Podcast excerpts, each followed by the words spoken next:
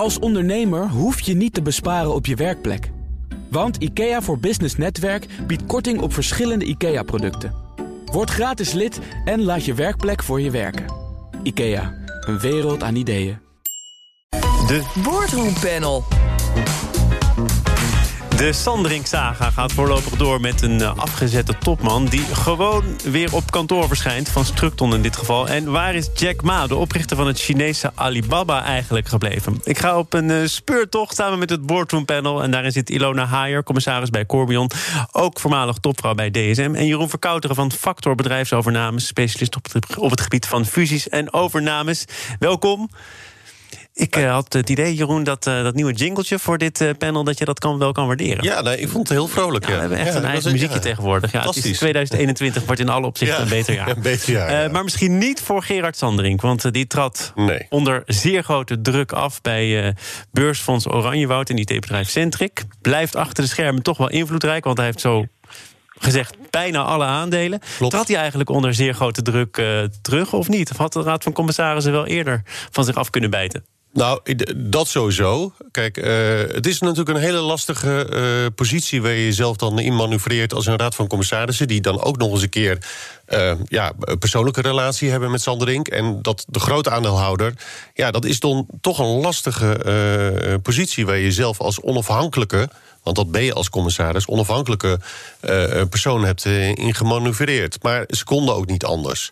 Ik bedoel, er is maar jij twijfelt zoveel... eigenlijk ook aan de onafhankelijkheid van een commissaris. En misschien wel nou ja, altijd kijk, in deze situatie... waarin iemand zo duidelijk exact, de grote nou, aandeelhouder is. Nou ja, goed, kijk, in, in, mijn praktijk kom ik veel bedrijven tegen... Waar, die ook een raad van commissarissen hebben... maar waar een groot aandeelhouder zit. Als op het moment dat een groot aandeelhouder daar zit... dan is vaak een commissaris ook wel een vriendje. En dan zeg ik even vriendje tussen aanhalingstekens. Het komt zelden voor dat zo'n persoon helemaal uh, uh, ver van een groot aandeelhouder afstaat. Ook in dit geval, dit zijn persoonlijke relaties van Sanderink. Nou, in hoeverre zij dan onafhankelijk en objectief kunnen zijn... dat is natuurlijk altijd een lastig vraagstuk. Ja, wat zou jouw antwoord op dit vraagstuk zijn, Ilona?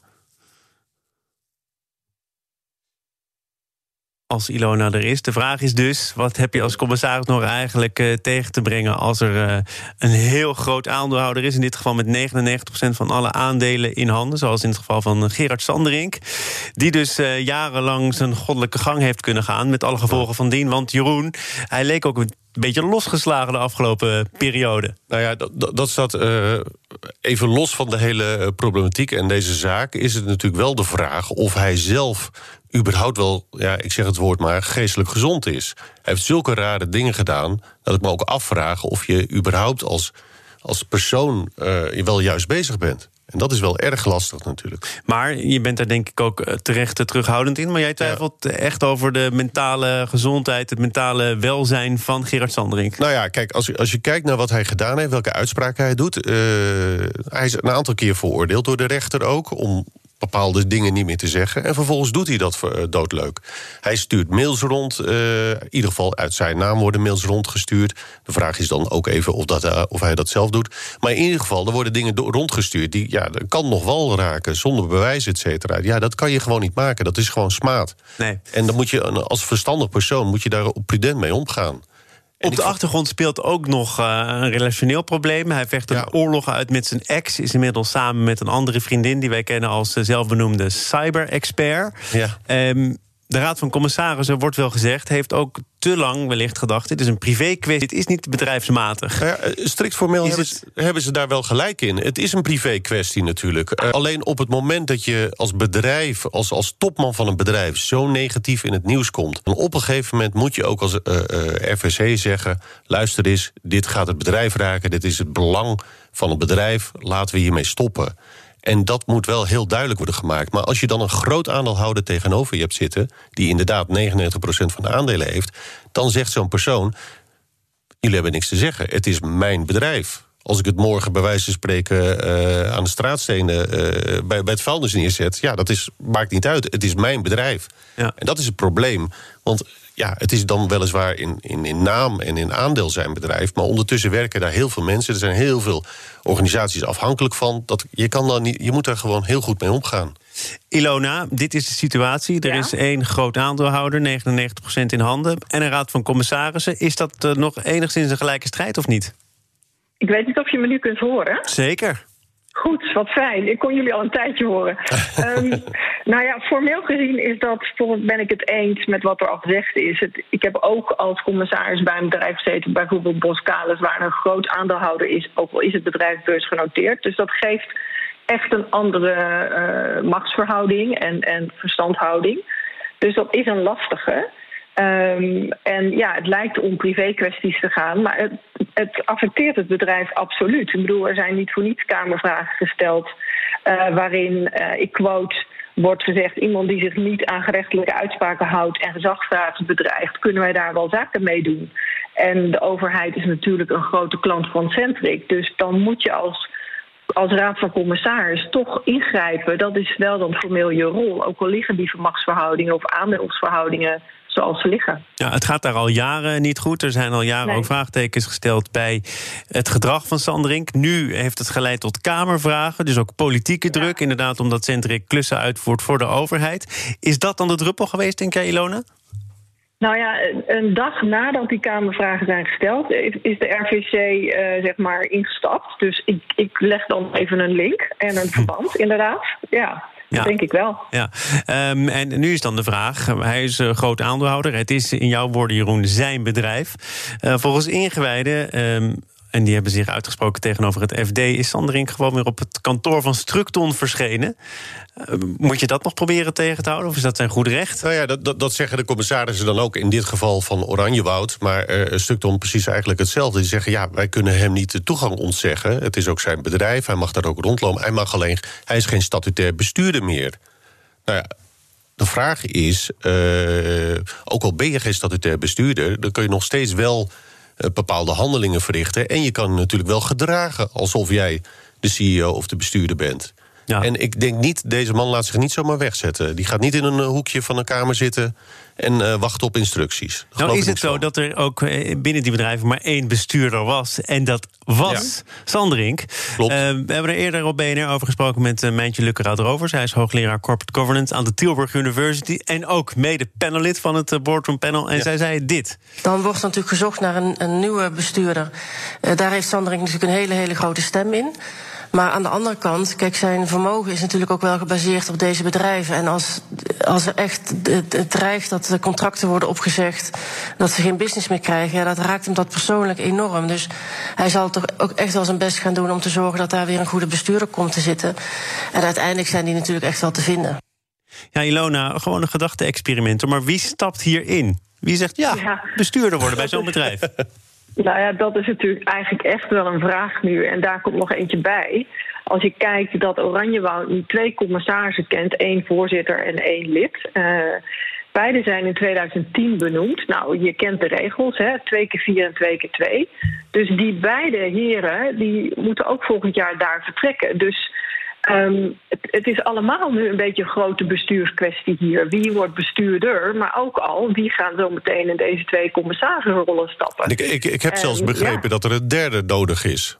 In de statuten staat, staat, dat er drie ja, moeten zijn. Twee is opvallend, ja. dat, dat zie je niet. Dus ik denk dat er een best wel grote bestuursvraag is. En dat geeft natuurlijk nu heel veel onrust en discontinuïteit uh, op dit moment door het uitvallen, weggaan, uh, weggestuurd zijn van Sanderink. Um, maar daar komt dit ook nog bij. Dus, en dan worden er Kamervragen gesteld. Dus um, ik ben benieuwd wie hierin stapt. Dat, dat kan natuurlijk iemand zijn die zin heeft in avontuur of echt denkt van ik kan hier wat mee. En ik denk inderdaad dat Sanderink ook wel belang heeft dat het in ieder geval weer in rustig vaarwater komt. Nou ja, dat is denk ik wel een belangrijke kanttekening die Mijntje hier plaatst. Het is ook ja. in zijn belang dat er rust in de tent komt. En misschien ook in zijn belang om een zwaargewicht te benoemen die niet dat, alleen maar met hem meebeweegt. Dat klopt, maar dan gaat Mijntje ook uit van de rationaliteit van de man.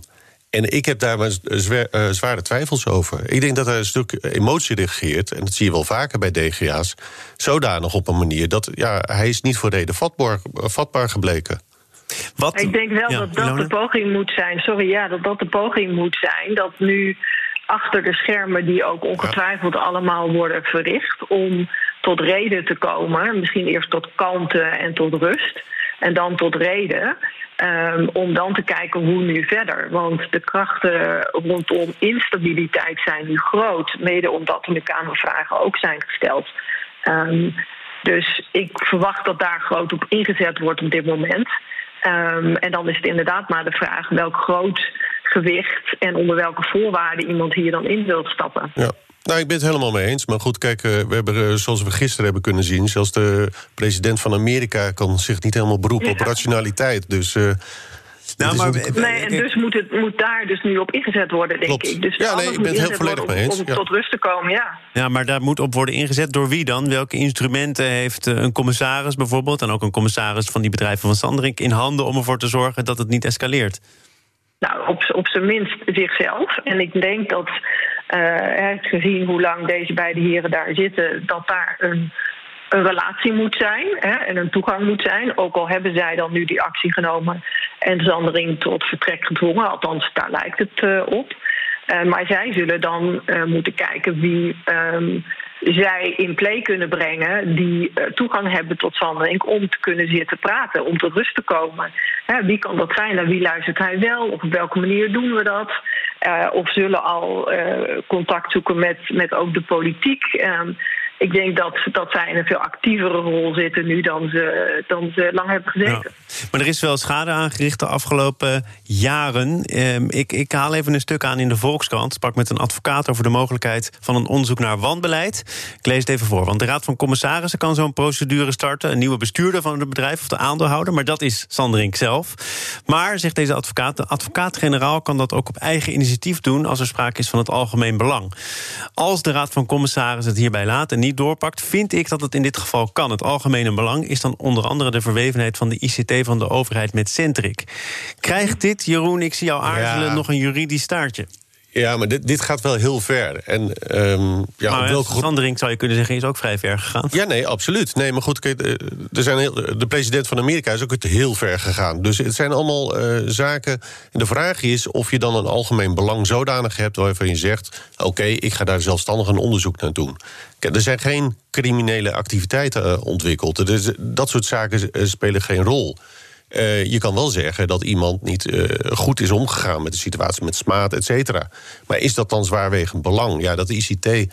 Ja, weet je, het is niet zo dat Sanderik daar uh, aan de knoppen zit te draaien. Dat zijn de mensen van de jij organisatie. Stelt hier, jij stelt hier de, de geestelijke gezondheid van Sanderik ja, nee, in twijfel. Ja, maar dat, dat, Hij is de bestuurder van een bedrijf dat diensten verleent aan de overheid. En dan zeg je, ja, ik weet niet of het algemeen belang nee, hier wel echt nee, kijk, een rol speelt. De vraag is of hij nog bestuurder... Hij is geen bestuurder meer, hij is afgetreden als bestuurder. Dan is de vraag, hij is aandeelhouder van het bedrijf. Hij is eigenaar van het bedrijf. De vraag is, is het op te lossen door middel van iemand anders aan te trekken... door het management uit te voeren? Kijk, als hij losstaat van die organisatie... Dan, kan, dan is er toch ook geen enkele reden... ook al is hij aandeelhouder, ook al is hij eigenaar van een bedrijf... om te denken dat het bedrijf uh, verkeerde zaken doet. Ilona, wat denk jij? Zou er een onderzoek naar wanbeleid moeten komen? Ik verwacht niet dat die er komt. Um, ik denk wel dat, maar dat zeg ik intuïtief, dat er vanuit de politiek gereageerd gaat worden. Want vorig jaar, als ik het goed herinner, is het top natuurlijk weggegaan bij Centric. Hè. Die zijn eigenlijk allemaal opgestapt. Vervolgens zijn er al Kamervragen gesteld. Daar heeft Wiebes op geantwoord. Nou, het is allemaal, er is nu niks aan de hand uh, tussen haakjes uh, waar wij conclusies uit moeten trekken. Nu worden er weer Kamervragen gesteld. Dat houdt niet op.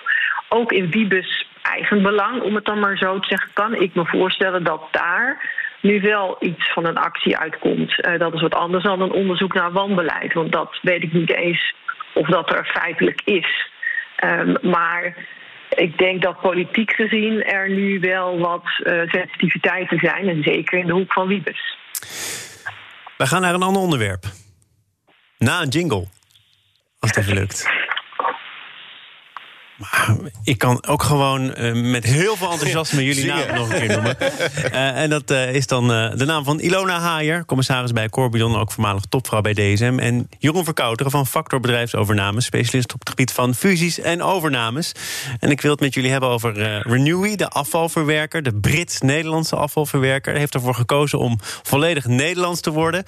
En Jeroen, het viel mij op omdat we in het verleden heel veel hebben gesproken over bedrijven die ook Brits-Nederlands of Nederlands-Brits ja. waren, die Brits ja. werden. Ja. Hoop chagrijn, van alles geprobeerd om dat uh, te voorkomen. Nu gebeurt het omgekeerde. En moet je echt heel goed zoeken om dit uh, nog uit het nieuws te plukken. Nou, dat is een positief effect van de brexit, zullen we maar zeggen dan. Nee, maar, maar, maar zijn we chagrijniger als het omgekeerde gebeurt... en wat minder trots als dit dan nu het geval is? Of maakt het op papier dus niet zoveel uit? Nou ja, kijk, het, het maakt op papier uh, uiteraard wel wat uit. Ik weet niet precies de verschillen tussen uh, puur Brits en puur Nederlands... om het maar zo te zeggen. Maar het maakt natuurlijk wel uit. Het is een signaal naar ja, je klanten, je stakeholders, je, je personeel. Het geeft aan van oké, okay, uh, Engeland is met de brexit bezig geweest... maar wij zorgen dat wij een Europees bedrijf blijven. En ik denk dat het een goede zaak is. En wat zijn de voordelen dan, Ilona, voor een uh, Europees bedrijf? Ja, dat is een goede. Um, in ieder geval zit hij ook deels in de governance, als je dat een voordeel vindt. Hè. Dus in de UK heb je een one-tier system en in het Europese vasteland heb je een two-tier system. Met andere woorden, de toezichthouder is niet alleen maar toezichthouder in Engeland, maar doet mee. Hè. Dus dat is best een intense manier van besturen en rapporteren. En, en dat hebben we in, in Europa, om zo te zeggen, nu Um, hebben we dat gesplitst. Um, ze kan een reden zijn. Nou ja, het dividendbeleid hebben we het uh, lang en breed met Unilever natuurlijk over gehad. En over die trots, ik denk dat Unilever misschien iets meer aansprekend is dan René En dat daar dan misschien uh, ook de gemoederen wat hoger oplopen. Um, maar ik weet niet wat, uh, wat de aandelenverhoudingen zijn of hoe die precies liggen. En dat dan heeft meegespeeld om het Nederlands uh, nee, te houden. er is nu wel een plicht om dat uh, volgens mij te openbaren, hoe die aandelenverhouding ja, precies ja. is. Ja. Uh, en, en ik denk inderdaad, Ilona, wat jij zegt, Unilever is zo'n onderdeel van het collectieve geheugen en hoort er echt bij. En Renewy is natuurlijk al een opvolger van Van Gansenwinkel. Ja. ja. Dus dat maakt misschien wat uit. Uh, en overigens wat ook nog weer uitmaakt... en ik vroeg me af hoe jullie daar naar kijken... is dat ze toch ook nog weer vasthouden aan hun notering... ook in eh, de UK aan hun beursnotering. Heeft dat uh, vooral voor- of nadelen, zo'n dubbele notering? Nou, wat mij betreft ik weet niet of het voor- of nadelen heeft, maar het scheelt een hoop hassel als je dat allemaal weer wilt veranderen. Dus um, je blijft gewoon ook aandeelhouder kunnen zijn via, via de FTSE. En um, als je dat allemaal wilt terugdraaien, ik weet niet hoeveel voordeel daarin zou zitten. Um, voor nieuw. Dus ik neem aan dat ze dat gewoon zo hebben afgewogen. Ja. Ik, weet er, ik weet er verder niet veel van. Nou, ik denk overigens, sorry, Jeroen. Ja, ik denk overigens ook dat het gewoon een praktische overweging is. Dat uh, het EU-vasteland uh, is ook veel groter qua, qua markt voor de, de nieuwe. Dus uh, zij zullen daar gewoon wat meer werk, omzet van aanhalen. Dan naar een kwestie waar jullie hopelijk alles van weten, namelijk waar die is. Ilona, waar is Jack Ma? Ja, waar is hij? Ja. ja. Nou, misschien hadden we even een cybersecurity expert van het eerste ja. onderwerp moeten, moeten, moeten, vragen. Geen idee. Dan zou die in Rusland zitten. Oh, ja. Nou ja, het, het, het, verhaal is in ieder geval dat de oprichter en de topman van het Chinese Alibaba... en daar valt ook de Ant Group onder en Alipay onder... dat die al een paar maanden niet is uh, gesignaleerd. Ik uh, kwam een stuk tegen, ook weer van de Volkskrant... waarin de, de correspondent vanuit China zei... hij is op supervisie op een niet nader bekend gemaakte locatie... in een soort informele detentie. Hij is niet gevlucht of ergens anders... maar in ja. ieder geval van het podium verdwenen. Uh, Ilona, zou dat het kunnen zijn? Ja, nou, er, er, wordt ook gespeculeerd in de Amerikaanse pers dat hij gewoon laying low is. Of hoe zeg je dat? Hè? Um, waardoor ook trouwens uh, Alibaba met 5% meteen weer steeg. Um, maar weet je, als je teruggaat in de tijd. Eh, ik weet nog dat destijds Jack Ma Alibaba eigenlijk aan de New York Stock Exchange wilde noteren. En onder druk van China is dat toen niet gebeurd. En is hij naar Hongkong uitgeweken. Dat moest eigenlijk. Dus het is volgens mij uh, niet nieuw dat daar een. Um, ja, wat, wat spanning op de lijn staat. En nu ze zo groot zijn geworden en zeker bankair ook heel groot zijn, want Alibaba heeft een grote banktak. Hè, um, uh, en zich ook best wel openlijker uh, kritisch uitliet, uh, kan ik me voorstellen dat hij op zijn minst lying low is, maar ook goed bekeken wordt of die echt verdwenen is. Nou, dat, dat lijkt me ook een, een hele sterke actie. Maar het is speculatie. hij, Jeroen hij heeft zich inderdaad uitgesproken tegen het Chinese regime. En tegen het financiële stelsel. Dat noemde hij ingeslapen, niet innovatief. Banken nou en verzekeraars zouden te makkelijk gesteund worden. Terwijl de, de overheid er tegenover stelt... ja, je bent zelf ook net zo groot als een bank en een verzekeraar. En je legt alle risico's bij die banken en die verzekeraars. Ze kregen daar een grootste, ook openlijk verschil van mening over de rol van, van Alibaba en van, van Ant Group in het bijzonder. Ja. Eh, wordt hij daar nu op gepakt? Nou, kijk, hij, hij heeft overigens niet, uh, geen discussie met de overheid. Maar inderdaad, hij heeft wel gezegd: van ja, jullie steunen geen innovatie en dat soort zaken.